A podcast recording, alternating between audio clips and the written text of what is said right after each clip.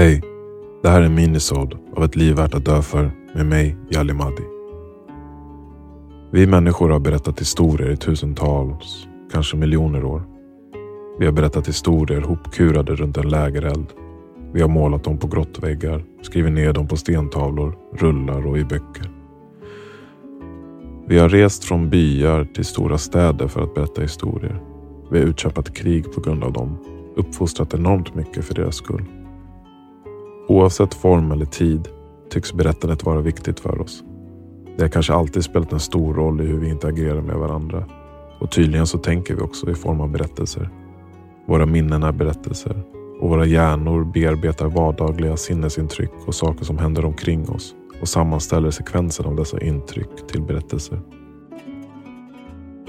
Det är genom berättelser vi tar in världen. Det är så vi försöker förstå hur det förflutna har format nutiden eller hur nuet kommer att forma framtiden. Men sällan överväger vi om inte framtiden formar nuet. Och sällan frågar vi oss själva, vad är min livsberättelse?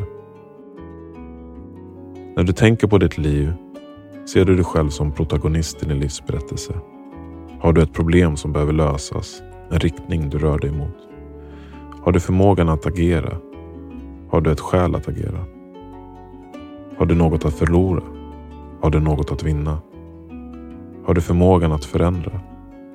Och vilka är dina egenskaper som gör dig speciell? Vilka är dina brister som gör dig intressant? Är du en karaktär att tycka om?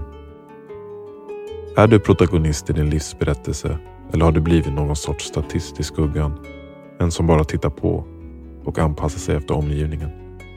En karaktär utan röst och styrka en som begraver sina drömmar och ambitioner bara för att observera och överleva. Kanske har du glömt bort det som får din själ att kittlas. Det som får tid och rum att försvinna för en stund. Vad är din livsberättelse egentligen? Vad stoppar dig från att berätta din egen historia som du vill berätta den? Vi kan inte kontrollera allt som händer oss.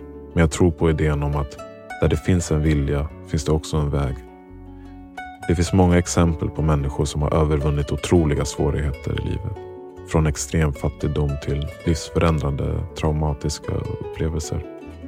Och om de kan ta sig igenom det är jag övertygad om att vem som helst kan övervinna våra lite mindre utmaningar i livet. Som sagt, vi kan inte kontrollera allt som händer oss men dina prioriteringar och val är faktiskt någonting du kan kontrollera. Och om du kan skapa en relation med din hjärtats röst och lyssna på den och agera därefter. Hur läskigt det än känns. Och kombinera den förmågan med kunskap, en strategi och utförande. Så kan din livsberättelse bli lite mer levande och betydelsefull. För mig är det här mer påtagligt än någonsin. Nu är jag pappa till två små underbara barn. Och sedan de kom in i mitt liv har de påmint mig om många saker som man tycks ha glömt bort som vuxen. Varje gång jag lämnar hemmet och säger hej då till dem och de frågar mig Pappa, vart ska du? Då svider det lite i själen. Jag vill stanna med dem, umgås hela tiden och bara ha roligt. Men som alla andra föräldrar har jag ansvar. Saker som måste tas hand om för att vi ska överleva. Jag ska jobba, säger jag till dem. Och de förstår mig. De litar på att det jag ska göra istället för att umgås med dem är värt och viktigt för mig. Vi pussas och kramas och säger att vi älskar varandra och så går jag. Men utanför dörren stannar jag till en stund. Jag frågar mig själv, kan jag helt ärligt säga att jag tycker om min livsberättelse just nu? Eller slösar jag bara bort mitt liv, min tid, mina relationer och mina drömmar? Är mitt jobb något jag tycker om? Eller ägnar jag hela dagarna, en stor del av mitt liv, till något som jag faktiskt inte tycker om? Väljer jag att göra någonting jag vantrivs med på bekostnad av mina relationer? Ja, allt det där och mycket mer kan bli tydligare för dig om du frågar dig själv. Vad är min livsberättelse?